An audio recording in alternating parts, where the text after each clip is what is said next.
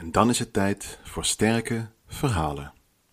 Ik ken iemand die elke dag hetzelfde aantal sneeën brood eet. Ochtends drie en smiddags vijf. Nou ja, deze persoon eet niet letterlijk elke dag precies hetzelfde aantal. Er zal in het weekend een keer een dag zijn dat het ontbijt wordt overgeslagen.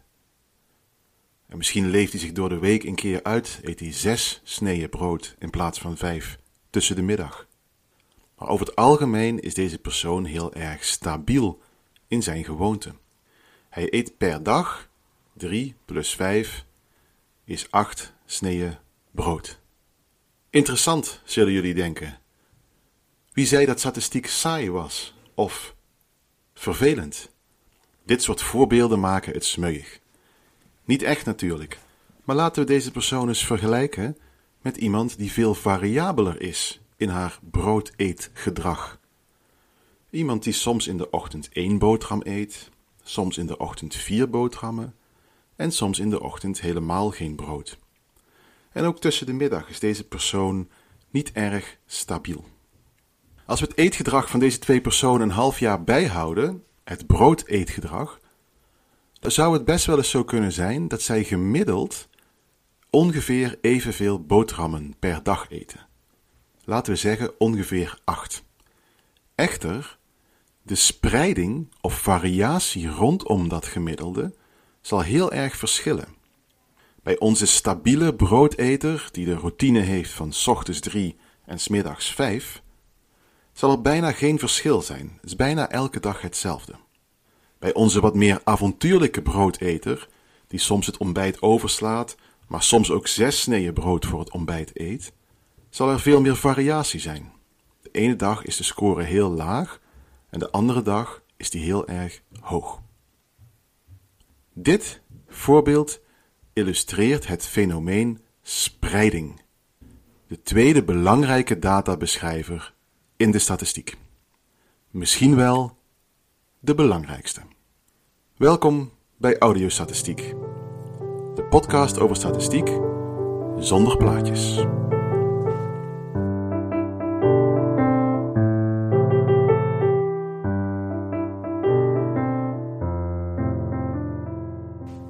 De belangrijkste maat van spreiding zullen velen van jullie kennen. Het is de standaarddeviatie. Afgekort SD, Standard Deviation in het Engels. De standaarddeviatie is een maat van spreiding en het is spreiding rondom het gemiddelde. Wat ik nu zeg klopt niet precies, maar is wel makkelijk te onthouden. De standaarddeviatie is de gemiddelde afwijking rondom het gemiddelde. In het voorbeeld van de boterhammen dat ik eerder gaf, hoeveel afwijking er per dag is van het gemiddelde. Zoals ik zei, de definitie klopt niet precies, maar hij is een stuk meer begrijpelijk dan de officiële definitie. De standaarddeviatie is altijd positief. Dat is een soort statistisch trucje dat de uitvinders van de standaarddeviatie hebben toegepast en dat is heel erg handig, dan hoeven wij niet te begrijpen waarom. Het voorbeeld wat ik net gaf, zien we variatie binnen één persoon. Ik heb een half jaar lang bijgehouden hoeveel sneeën brood die twee personen aten. De variatie is dan binnen persoon 1, de man die heel stabiel sneeën brood at, of persoon 2, de vrouw die veel meer variabel was in haar broodsnee eetgedrag. Dat noemen we variatie of spreiding binnen één persoon. Vaker zien we spreiding of variatie tussen personen. Dit is als ik bijvoorbeeld vergelijk de bloeddruk van 100 deelnemers aan mijn medische studie. Als ik dan de standaarddeviatie uitreken, dan krijg ik een maat voor hoeveel over het algemeen genomen één deelnemer verschilt van het gemiddelde van de groep. Eén deelnemer. In het eerdere voorbeeld van de broodsneeën ging het over één dag. Was het binnen dezelfde deelnemer. Als je niet met menselijke data werkt, maar bijvoorbeeld met, met cellen van dieren of andere kweken, dan gaat dit ook op. Dan is het onderscheid soms wat lastiger te zien. We noemen dat dan nog steeds binnen en tussen proefpersonen variatie of spreiding. De standaarddeviatie geeft aan hoeveel afwijking er grosso modo is ten opzichte van het gemiddelde.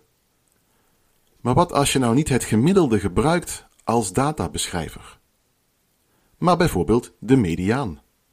Dan is een goede maat van spreiding de interkwartielafstand. Die maakt net als de mediaan gebruik van het rangschikken van data van laag naar hoog, en die pakt dan het verschil tussen het einde van het eerste kwartiel en het begin van het laatste kwartiel. Hoe dat precies berekend wordt, doet niet ter zake. Wat wel belangrijk is, is dat net zoals de mediaan minder gevoelig is voor uitschietende waarden, extreme waarden, vergeleken met het gemiddelde, zo is de interkwartielafstand ook minder gevoelig voor uitschietende of extreme waarden dan de standaarddeviatie is. Interkwartielafstand zie je in plaatjes vaak in zogenaamde boxplots. Standaarddeviatie S.D. En nu moet ik jullie iets vertellen, met pijn in het hart moet ik toegeven, over de standaard fout. En dit is echt irritant. Statistici hebben dit, ik weet het bijna zeker, alleen maar zo genoemd om ons in de war te brengen. Standaard deviatie, SD, is dus iets anders dan standaard fout, in het Engels standard error, SE. Om het nog vervelender te maken wordt de SE ook wel vaker SEM genoemd, standard error of the mean. De standaard fout heeft een directe relatie met de standaarddeviatie. Het is de standaarddeviatie gedeeld door de wortel van n, de wortel van je aantal waarnemingen. Wat belangrijk is om te weten, is dat de standaardfout daardoor per definitie altijd kleiner is dan de standaarddeviatie. Immers, het is de standaarddeviatie gedeeld door een getal. Als n 100 is, dan is wortel n 10, dus dan is de standaardfout 10 keer zo klein als de standaarddeviatie, de SD. Als je een plotje maakt, bijvoorbeeld een barplot, een staafdiagram, en je geeft aan wat de spreiding is, dan ziet die spreiding er kleiner uit als je de standaard fout plot. Die is immers kleiner dan de standaarddeviatie. Dat is een hele banale, eigenlijk ook wel teleurstellende reden waarom mensen soms de standaard fout rapporteren. Wat de standaardfout is, zal ik kort zeggen, het is de geschatte spreiding in de populatie. De populatie kennen we meestal niet in ons onderzoek, daarom hebben we een steekproef.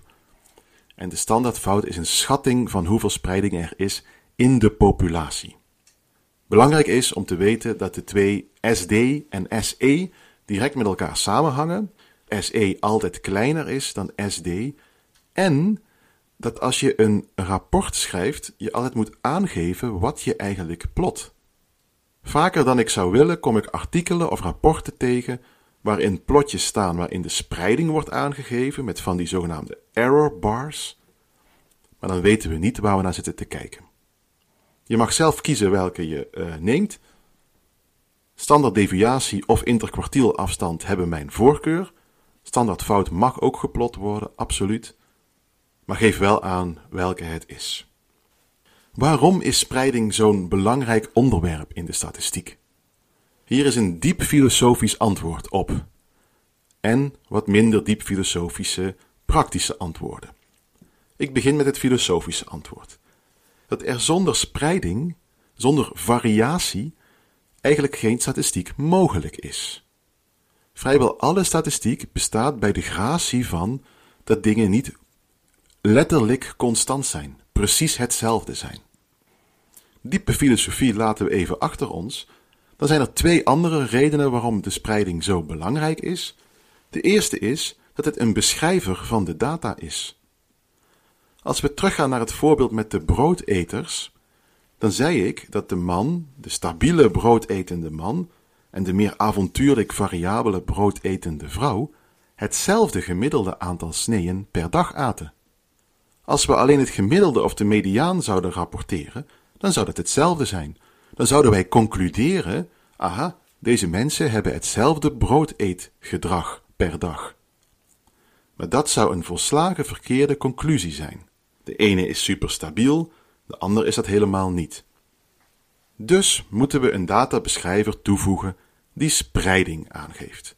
En dat is heel vaak de standaarddeviatie of de interkwartielafstand.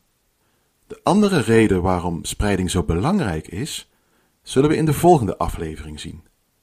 Als we willen onderzoeken of twee groepen of reeksen metingen van elkaar verschillen, dan zullen we zien dat een verschil met weinig spreiding veel overtuigender is dan een verschil met veel spreiding. Ik zie jullie graag terug als we ons avontuur vervolgen, als we het hebben over een van de mooiste en meest invloedrijke uitvindingen in de statistiek ooit, namelijk de D-toets.